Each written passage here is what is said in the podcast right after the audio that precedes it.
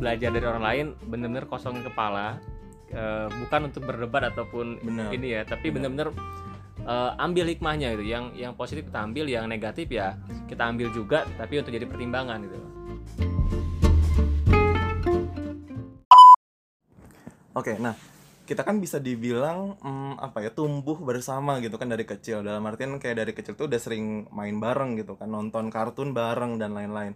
Nah, to be honest ya salah satu kakak Kak Yuri ini salah satu apa ya uh, orang yang I look up tuh maksudnya kayak jadi salah satu role model gitu kan. Karena selama kita bertumbuh gitu remaja sampai dewasa gitu Kawi ikut ngeband menang apa namanya lomba ngeband gitu kan. Terus eh, apa namanya dari segi akademik juga bagus gitu kan. Masuk SMA yang favorit dan lain-lain gitu di di eh, Bandar Lampung gitu kan. Nah apa sih kak yang yang eh, bikin kak Yuri tuh punya eh, apa ya motivasi untuk achieve goals goals tersebut atau misalnya kayak kakak bisa share nih value atau prinsip hidup yang kakak terapin itu tuh apa sih? Jadi kayak membantu kak Yuri memuluskan jalan nih menuju goals yang udah di achieve gitu Em, gimana ya kalau kakak itu sebetulnya orang yang senang belajar dari orang lain sebetulnya. Oke oke. Jadi menarik. setiap ketemu orang itu selalu ibaratnya ngosongin kepala gitu. Bener-bener kalau orang cerita ya kau itu adalah orang yang kosong yang nggak ngerti itu. Oke. Ya sengerti apa pun kita dengan itu menganggap kakak tuh nggak ngerti itu. Sehingga kalau ada orang cerita itu sangat interest banget tertarik banget dengan cerita orang tersebut. Jadi kalau orang nyebutnya sih pendengar yang baik gitu ya. Oh, good listener Iya, gitu ya. Kau itu jadi orang yang seperti itu sebetulnya. Nah, seneng banget kalau orang tuh cerita panjang, maksudnya bercerita tentang Iya. dia, pengalaman dia. Karena itu yang bisa tak pelajari. Kegagalan yang mereka alami itu bisa jadi pelajaran buat kakak untuk tidak melakukan gitu ya kesalahan yang Iya. dia lakukan. Sehingga oke oke benar eh, perjuangan kita itu ya seenggaknya tuh akan lebih mudah gitu loh. Jadi sebenarnya intinya belajar dari orang lain ya. Itu itu itu penting eh, tapi dengan syarat pas belajar dari orang lain bener-bener kosongin kepala eh, bukan untuk berdebat ataupun Benar. ini ya, tapi bener-bener eh, ambil hikmahnya gitu. Yang yang positif kita ambil, yang negatif ya kita ambil juga tapi untuk jadi pertimbangan gitu. Oke, jadi kayak filosofi gelas kosong lah ya. Hmm, betul. Ketika ngobrol sama orang kita kosongin dulu nih gelasnya gitu Betul. supaya nggak nggak membal gitu Iya. kan. Benar-benar. Nah, terus eh, ada lagi nggak eh, value apa sih yang mungkin kakak terapkan gitu atau misalnya Hmm. kakak dapetin dari petua orang tua Hmm. kayak gitu? Em, disiplin kali ya. Jadi dari kecil sebetulnya emang di rumah ini kita udah dibiasakan disiplin. Iya. Jadi memang terbawa gitu. ya. Bener, bener, terbawa bener. banget Eh, sampai di luar pun ya disiplin sama ya nggak tahu ini sifat kali ya. Iya. Eh, pe- pengen perfect aja gitu. Suatu hal tuh harus harus perfect. Iya. Jadi ya kalau pengen perfect ya harus bagus itu kan. Eh, actionnya harus bagus. Jadi ya memang ngelakuin hal itu ya bener-bener gitu loh. Jadi nggak setengah-setengah. Tapi emang kadang-kadang ada ada sedikit eh, kurangnya dengan dengan sifat yang seperti itu. Kadang tidak secepat orang lain itu pengerjaannya. Kenapa? Karena Iya. memang harus harus hati-hati, Iya. eh, harus perfect gitu kan baru baru saya anggap itu oh, selesai nih eh, kerjaannya gitu loh. Oke. Berarti sebenarnya jiwa eh, perfeksionis itu tumbuh dari kecil ya?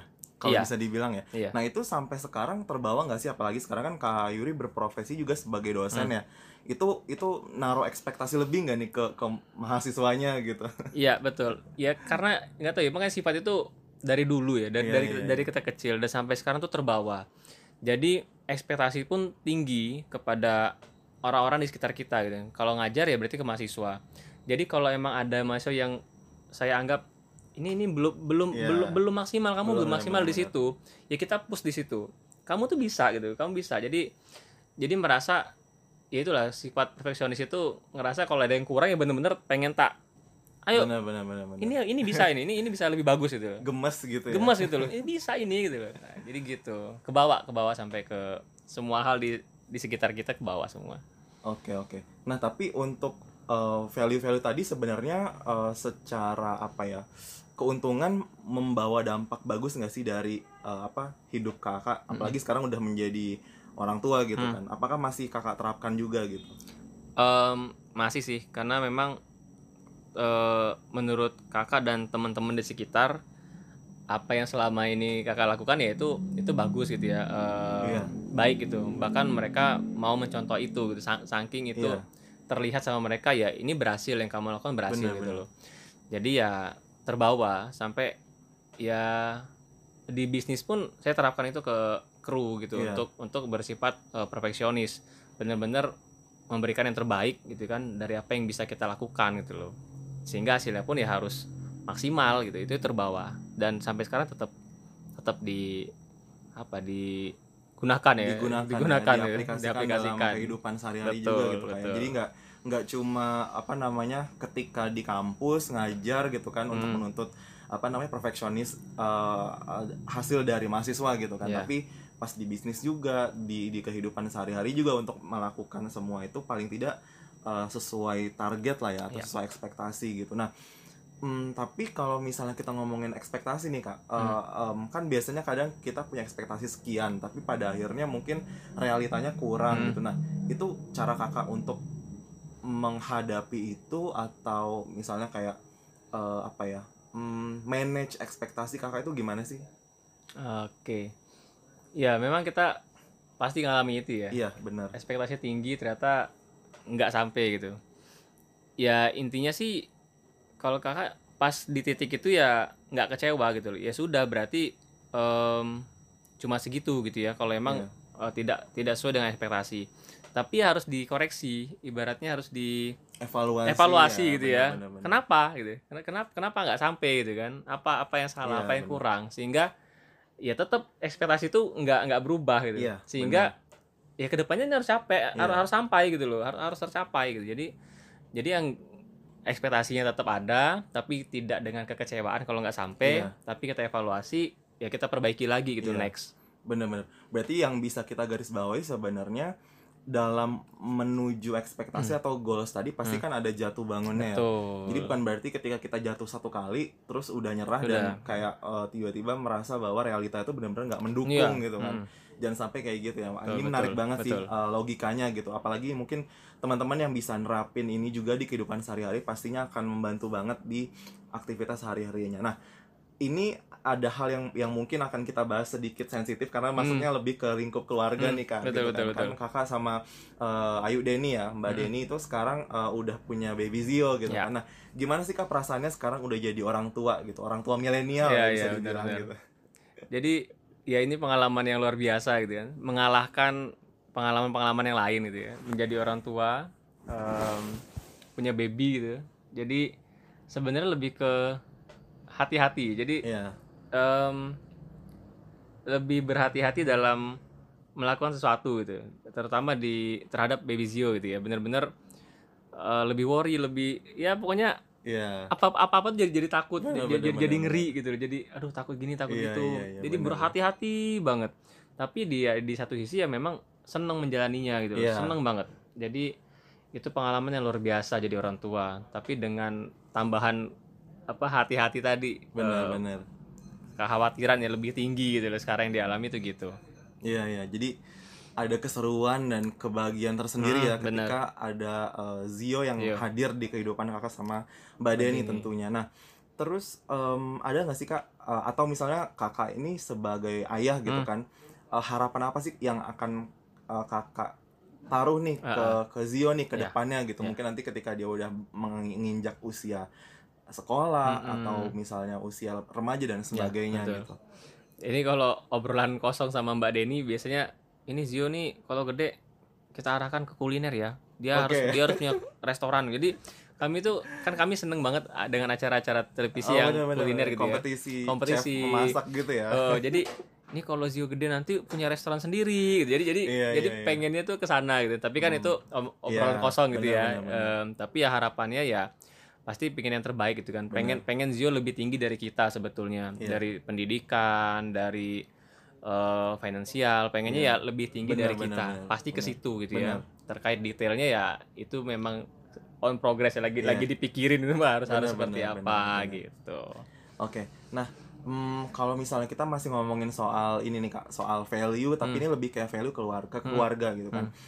Em, memang apa ya? Intinya nggak nggak menutup mata gitu kan selama kita mungkin oh, dulu masa remaja nih Hmm. waktu SMA kuliah gitu kan kita banyak nakal gitu maksudnya kayak mungkin ya let's say bolos gitu kan atau Hmm. misalnya em, dimarahin dosen dan lain-lain Ya. gitu kan nah mu- ada nggak sih nanti yang kemungkinan akan kakak ajarin nih Hmm. ke Zio gitu supaya apa yang udah dilakukan kakak sewaktu masih muda itu nggak Ya. terulang lagi gitu betul betul Em, ya tadi ya karena kakak eh, dari dulu selalu belajar kesalahan dari orang lain ya Iya. jadi pas ngelakuin eh, aktivitas atau kegiatan ataupun apa pun itu pasti udah udah sangat berhati-hati Da- dari kakak ya Hmm. jadi kakak tuh malah selama ini tuh nggak mengalami banyak kesalahan sebetulnya. Hmm. Kenapa? Karena selalu belajar dari orang lain. Tapi di situ kelemahannya. Karena kita nggak mengalami langsung, Oke. jadi terkadang kita tidak bisa menceritakan Iya. itu ke orang lain, Iya, gitu iya, kan. iya, iya. Jadi uh, rada takut sebetulnya pada saat uh, Zio beranjak besar, kita nggak bisa ngajarin Iya. hal-hal yang kita tuh Hmm. alami, Iya. karena kita nggak mengalami. Jadi nggak tahu ya, ini ini adalah suatu sisi negatif atau enggak dari sifat berhati-hati Iya. tadi gitu ya. Iya. Tapi kalau untuk em, setelah dia dewasa ya pasti ada hal-hal yang yang saya pengen bener eh, Zio itu bisa mengambil keputusan dengan tepat karena sa- satu eh, tipikal KU itu adalah orang yang kadang-kadang tidak bisa mengambil keputusan dengan cepat dan tepat Iya. terlalu banyak fik- eh, dipikir gitu loh. Mhm. Nah, kami pengen Zio nanti mungkin eh, lebih baik dari itu. Jadi setelah dipikirkan juga bisa mengambil keputusan dengan Oke. dengan cepat dan tepat gitu. Iya, benar benar benar. Nah, karena di situ kami masih kayaknya belum maksimal untuk Iya. mengambil keputusan. Makanya dari nama Keizio, kalau sedikit ngulas namanya gitu boleh ya. boleh dice- diceritain. eh, Keizi itu adalah bahasa Jepang sebetulnya. Oke, oke. Keizi ya, Keizi nggak pakai o, Keizi yang artinya adalah pemimpin eh, yang murah hati Oke. sebetulnya. Em, pemimpin yang membawa kedamaian, sorry, pemimpin yang membawa kedamaian itu Oke. Keizinya. Nah, Zio itu murah hati. Oke. Jadi tak kabung eh, Keizio adalah pemimpin yang membawa kedamaian dan murah hati. Nah, jadi Oke. memang pengen Zio itu adalah jadi orang eh, sosok pemimpin, pemimpin Iya. ya, di mana pemimpin itu ya tetap harus cepat dalam mengambil keputusan gitu loh, tepat gitu ya. Jadi eh, pengennya seperti itu gitu, Oke. Zio itu. Berarti kemarin riset juga ya ke Riset. ke bahasa-bahasa Riset. lain ya, ke bahasa Riset. Jepang gitu. Iya. ya. mungkin ini ada ini kali Kak. Dulu kan karena mungkin kita suka nonton Inuyasha, Ah, Iya, nonton iya, betul. apa Conan gitu kali ya. Jadi ke bawah.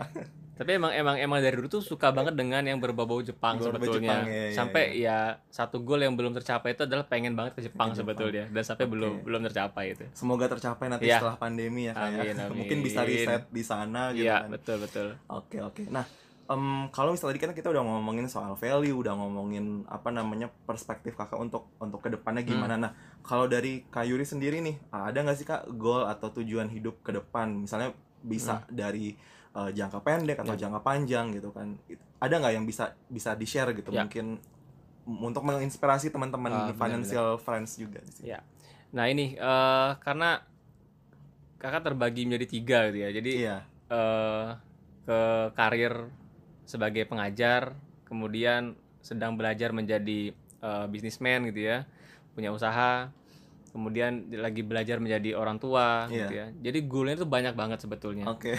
Nah kalau kita rinci satu persatu dalam jangka pendek sebetulnya masih fokus ke usaha. Jadi Mhm, beberapa mhm. bulan ke depan itu goalnya sebenarnya pengen ngembangin Miss Mojito. Em, dari sisi em, ya kedainya gitu ya, Iya. eh, manajemennya, Benar-benar. kemudian itu itu ya, goalnya adalah itu sebenarnya. Pengen Miss Mojito tuh besar Iya. itu goal goal dalam waktu dekat kalau untuk jangka panjang ya karena profesi adalah pengajar Iya. ya ujung-ujungnya adalah ke- kepangkatan sebetulnya jadi ya pengen kuliah lebih tinggi gitu kan Iya. sekarang eh, pengennya ya S3 gitu Iya, tapi emang benar-benar. belum bisa untuk fokus ke situ jadi agak ditunda dulu Iya. tapi pengen S3 dan ya tadi ng- ngomongin Jepang sebenarnya pengen banget Iya, S3 di iya. Jepang Amin, sebetulnya amin. gitu ya Iya, jadi memang memang karena tadi cabang pikirannya banyak, banyak goalnya juga otomatis jadi banyak, tapi memang gimana caranya kita lebih mindful satu-satu nih iya kan. betul Eh, apa baby steps lah yang Iya. diurusin yang yang mungkin bisa di handle dulu ya gitu. betul Bener-bener karena kalau misalnya langsung semua, khawatirnya malah nggak jadi fokus Ya, gitu kan. betul. Konsistensi itu juga penting gitu. penting Nah, ini nih kak, eh, setelah jadi ayah nih Hmm. dan juga jadi seorang suami gitu kan, ada nggak sih hal-hal yang ber- berubah gitu atau ber- berbeda gitu waktu pas masih single gitu Ya. kan dengan uh, ketika sekarang udah punya keluarga kecil yang Ya. terdiri dari tiga orang nih Betul, gitu betul. gimana tuh kak Oke, kalau berubah pasti ya. Jadi kebiasaan-kebiasaan kita sehari-hari itu pasti berubah gitu. Dari dulu kami suka game ya, suka main game gitu ibaratnya. Iya. Ya sekarang tuh nggak ada satu menit pun waktu kayaknya bisa untuk main game. game apa tuh game online kak atau Em, offline gitu Ya eh, keduanya sih. tapi Keduanya ya? Kalau dalam kurun waktu belakangan ini ya game online ya yang, Oke. yang lebih booming ya. Dan itu benar-benar di HP tuh nggak punya lagi aplikasi game gitu Iya, sakingnya iya, ya. Karena memang ya nggak ada waktu Iya, untuk untuk benar, mainnya. benar, benar, benar. Kemudian eh, nonton film. Iya, Ti- iya, Tipikal orang yang suka nonton film sebetulnya. Iya, iya. Tapi tadi kembali lagi waktu 24 jam tuh kurang. Sekarang tuh ngerasa kurang gitu. Jadi ada hal-hal yang wah ini nggak bisa kita Iya, lakukan benar, sekarang. benar, benar. Jadi ya jadi banyak banyak banyak perubahan dari sisi kebiasaan yang bisa dibilang untuk bersantai gitu ya itu itu Iya. itu udah agak sulit. Itu tidak merugikan sebetulnya Iya. karena karena memang digantikan dengan kegiatan yang, yang lebih berguna Iya, benar, sebetulnya benar, yang benar, lebih benar. prioritas gitu loh. Benar, benar. Tapi kalau ditanya ada perubahan, pasti ada perubahan. pasti ada perubahan ya Pasti ada jadi perubahan. uh, mau nggak mau tiap fase hidup itu kita punya prioritas uh, tersendiri Betul. gitu kan ya dan mungkin kalau tadi ngomongin soal me time sebenarnya mungkin me time dengan anak itu adalah pengganti me Ya. time KUI yang waktu mungkin dulu kalau pas single nonton TV Ya, atau main betul, game betul, gitu kan betul. dengan misalnya kumpul keluarga itu sebenarnya udah me time-nya KUI ya, gitu betul, kan betul. Oke oke oke. Nah, em, seru banget sih dan sekarang mungkin kita akan ngebahas sesuatu yang mungkin lebih kayak apa ya? Lebih ngomongin finansial nih kak, Hmm. ngomongin kondisi bukan kondisi keuangan ya, lebih Ya. kayak em, setelah menikah atau setelah punya anak. Kak Yuri itu lebih ini gak sih lebih mindful gak sih dalam maintain keuangan atau misalnya lebih bijak ngeluarin duit kayak gitu-gitu itu terasa banget gak sih perubahannya? Ya, sangat terasa gitu ya. Jadi em, setelah kita dapat duit entah, entah gajian atau apa gitu ya, eh, kebiasaan kita seperti ya belanja gitu ya, itu itu udah udah benar-benar harus dipikirkan mana yang lebih prioritas tuh.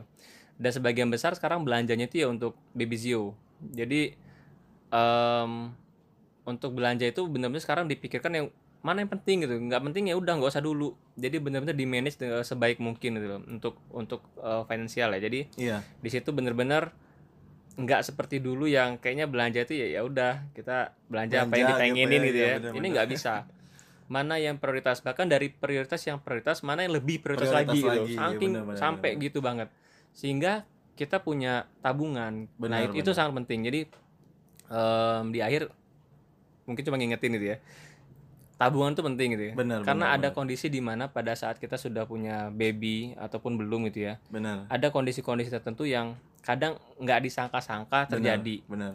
Kalau pengalaman kemarin eh, pas baby Zio sakit Iya. itu ya nggak disangka-sangka gitu loh, Iya. nggak disangka-sangka dan dan baru ngerasain kita benar-benar butuh eh, kalau berbicara duit ya kita butuh banget tabungan. Iya, iya, kita butuh banget tabungan sehingga di saat kondisi tertentu yang nggak terduga kita siap gitu loh. Iya, Jadi bener-bener kalau emang nggak nggak butuh untuk ngeluarin duit ya sudah gitu ditabung aja ataupun ya digunakan untuk yang prioritas gitu loh. Iya. Jadi benar, benar. itu penting ya untuk manage duit itu sekarang penting banget, penting banget. benar. Iya, benar. Kayaknya mungkin untuk tendensi orang mulai mikirin tabungan, Iya. eh, deposito, investasi dan sebagainya kayak Iya. udah udah mulai Udah mulai. tumbuh nih apalagi Betul. kan kita baru aja diterjang sama krisis Iya, juga kan benar, pandemi benar. gitu jadi orang-orang udah mulai aware nih sama tabungan atau dana darurat Ya, kayak gitu betul. kan nah kayak gitu dan dan eh, apa namanya em, aku pernah baca satu jurnal nih kak Hmm. jadi sebenarnya memang itu penelitian yang Ya. ngelakuin penelitian kalau nggak salah orang India deh jadi ketika mau nabung itu sebenarnya kita harus punya objektif yang Hmm. jelas kayak misalnya oh gue nabung karena gue pengen DP rumah gitu Ya, jadi ya, ya. jadi duitnya itu tuh bener-bener terjaga Mm-mm. karena kita ada ada ada apa ya ada goalnya gitu kan Mhm. Beda ketika misalnya oh gue cuma mau nabung nabung nabung doang tanpa ada tujuan yang Yeah. khusus somehow itu nanti akan apa ya uang itu malah kerasa habis gitu Yeah, karena yeah. kita nggak nggak tahu nih ini Untuk end up-nya mau ke mana Hmm. gitu dan itu juga sempet sempet dibahas waktu podcastnya Raditya Dika sama Hmm. Likwina Hananto kalau nggak salah aku pernah nonton itu jadi ketika nabung itu tuh harus harus ada objektifnya dulu Hmm, gitu hmm. apa pun itu maksudnya mau jangka pendek jangka Betul. panjang gitu kan itu harus ditetapkan dulu gitu jadi lebih mindful aja nih ketika kita ngelakuin sesuatu atau saving money-nya kita udah tahu nih akan dipakai buat Ya, apa kayak betul gitu betul betul Nah, terus em, seru banget sih memang kalau misalnya ngobrolin apa eh, finansial, ngomongin keluarga, ngomongin value dan lain-lain gitu kan, apalagi ngomongin goals gitu. Nah, kalau menurut kakak sendiri nih dengan pencapaian yang udah ada sekarang gitu kan, Hmm. udah punya keluarga kecil, udah punya apa namanya bisnis sendiri, eh, eh, profesi sebagai dosen juga settle gitu kan. Em, ada lagi nggak sih kak yang pengen kakak achieve gitu selain tadi mungkin S3 di Jepang gitu Ya. kan uh, ada nggak sih kayak uh, apa sisi ambisiusnya seorang Yuri Rahmanto yang Hmm. pengen di achieve lagi itu apa sih? ya kalau selain dari profesi ya ya tadi sih sebenarnya pengen punya usaha yang besar sebetulnya Yang sustain ya? Iya. Benar-benar benar. itu sebenarnya sekarang jadi eh ya bisa dibilang prioritas sebetulnya ya Iya. karena apa ya ternyata berkecimpung di bidang itu gitu ya usaha itu luar biasa Iya. dibilang seru gitu ya seru Hmm, benar. Naik turunnya itu kita merasakan gitu loh Iya. dan ya goalnya itu yang ya ambisinya ya benar-benar pengen Benar. sustain di situ gitu di di usaha itu ya itu sih yang yang yang yang belum belum tercapai ya Benar. ya selain yang tadi kita udah diobrolin ya pengen banget di situ Ya, jadi- ambisi banget Jadi memang pengen naik kelas nih dari Ya. yang UMKM mungkin Ya. jadi usaha besar gitu Besar. yang mungkin bisa lebih generate income lah ya gitu betul kan. betul Benar-benar benar. Nah, em, terakhir nih Kak, oke eh, ini penutup eh, apa namanya dari podcast kali ini gitu Mhm. kan mungkin kakak nih sebagai eh, salah satu orang tua milenial nih mungkin di di eh, teman-teman financial story di sini yang dengerin ada juga mungkin keluarga milenial yang baru menikah mungkin atau yang baru punya anak Hmm. gitu apa sih yang yang eh, apa namanya pengen kakak kasih pesan dalam segi finansial ataupun Hmm. eh, apa membuat prioritas dan sebagainya ada nggak yang pengen kakak share gitu Em, ya lebih ke sharing ya bukan bukan mengajarkan ya bukan mengajarkan, ini karena sharing. Jadi- karena pengalaman Iya, orang beda-beda ya benar benar benar benar. Kalau di pengalaman saya sih em, walaupun kita banyak cabang ya dalam artian ya profesi mungkin eh, usaha mungkin dan pasti kalau pas sudah berkeluarga gitu ya. Iya. Kalau saya memang lebih memprioritaskan keluarga sebetulnya. Jadi em, dua kegiatan lain seperti profesi dan usaha sebetulnya itu masih di bawah keluarga. Dalam artian saya lebih memprioritaskan keluarga saya jadi kalau masalah finansial ya memang lebih eh, utama keluarga dulu gitu loh. Kalau sudah tercukupi nah boleh deh Iya. untuk untuk em, ke kegiatan yang lain ya untuk usahanya mungkin gitu ya untuk em, eh, kitanya mungkin gitu ya. Tapi fokusnya adalah ke keluarga dulu. Itu nomor satu gitu ya keluarga itu nomor satu. Oke. istri dan anak gitu loh. Em, apalagi ya yang bisa di share ya karena ya saya juga masih muda ya jadi kayaknya itu agak malu kalau mau Iya, menceritakan iya, iya, iya. pengalaman yang mungkin orang lain yang mendengarkannya ini mungkin lebih lebih berpengalaman gitu ya oke oke jadi eh, mungkin ya, di- ya closingnya Hmm. cuma satu sih tadi ya mungkin keluarga di nomor Iya. satu kan gitu loh nah, nah kalau gitu eh, pertanyaannya aku aku ganti nih iya apa sih arti keluarga buat seorang Yuri Rahmanto nih Oke. Nah kalau ngomong keluarga tuh mau nangis ya. itu itu se- eh, gimana ya? Dari kecil eh, saya hidup dengan suasana yang ramai gitu ya, iya dengan keluarga yang besar, besar, gitu. bener-bener Ya di salah satunya adalah Iko gitu. Dari dari kecil kita udah sama-sama. Saya tuh nggak bisa ngomong keluarga itu seperti apa gitu ya. Dalam artian itu tuh nggak bisa diomongin dengan Kata-kata. doang. Itu itu bener. Jadi iya, itu iya, tuh ada di diri kita gitu jadi Iya. keluarga itu ya kayak menjaga kita sendiri gitu. jadi Iya. udah menyatu dengan dengan dengan kita gitu. Iya. jadi nggak bisa dipisahkan. Keluarga itu nggak bisa dipisahkan. Keluarga itu ya ya satu dengan kita gitu kan. Baik buruknya keluarga ya ya itu tanggung jawab kita gitu loh. Jadi saya tipikal yang deket banget sama keluarga itu. Rumah deket gitu ya walaupun ru- rumah itu tuh deket ya. Tapi jarang ketemu itu udah kayaknya Iya. sedih banget itu kenapa karena biasa ramai gitu iya benar-benar biasa ramai jadi keluarga itu kembali lagi ke tadi saya bisa katakan artinya keluarga itu ya udah itu no- nomor satu deh di di dunia ya gitu jadi dahulukan keluarga deh apa apa tuh keluarga dulu deh gitu loh Oke. kalau untuk dunia dunia ini ya selain kita Oke. ngomongin akhirat gitu ya Iya, kalau benar-benar. di dunia itu udah apa sih keluarga ya udah itu nomor satu deh di di Iya, dunia itu adalah nomor benar. satu Jadi keluarga itu adalah rumah ya Kak, ya? Rumah, udah. untuk kembali gitu benar-benar. Waduh keren banget nih sharingnya sangat menginspirasi banget ya. Maksudnya kita ngobrolin soal eh, apa namanya bisnis udah ngomongin titik down udah ngomongin gimana caranya bangkit dari apa namanya keterpurukan udah gitu ngomongin keluarga dan sebagainya complicated banget. Tapi semoga teman-teman uh, uh, finansial di sini bisa mendapatkan insight baru soal uh, apa namanya apa yang udah kita bahas tadi. Jadi kayaknya udah sampai situ aja dulu. Uh, semoga uh, ini menginspirasi teman-teman dan kita akan uh, nyambung di konten berikutnya yang pasti nggak akan kalah menarik kita akan ngebahas soal uh, next time mungkin kita akan ngebahas soal uh, uh, miskonsepsi YOLO ataupun miskonsepsi uh, FOMO gitu kan dan lain-lain. Nah, jadi uh, stay tune terus di Financial Story. Semoga teman-teman sehat selalu. Thank you.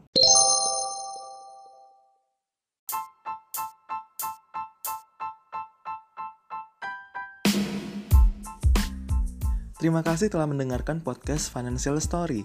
Kunjungi kami di Instagram at Financial Story atau website di financialstory.wordpress.com. Kamu bisa kirim saran dan kritik ke Instagram Financial Story untuk perbaikan konten kita bersama. Sampai jumpa di episode selanjutnya.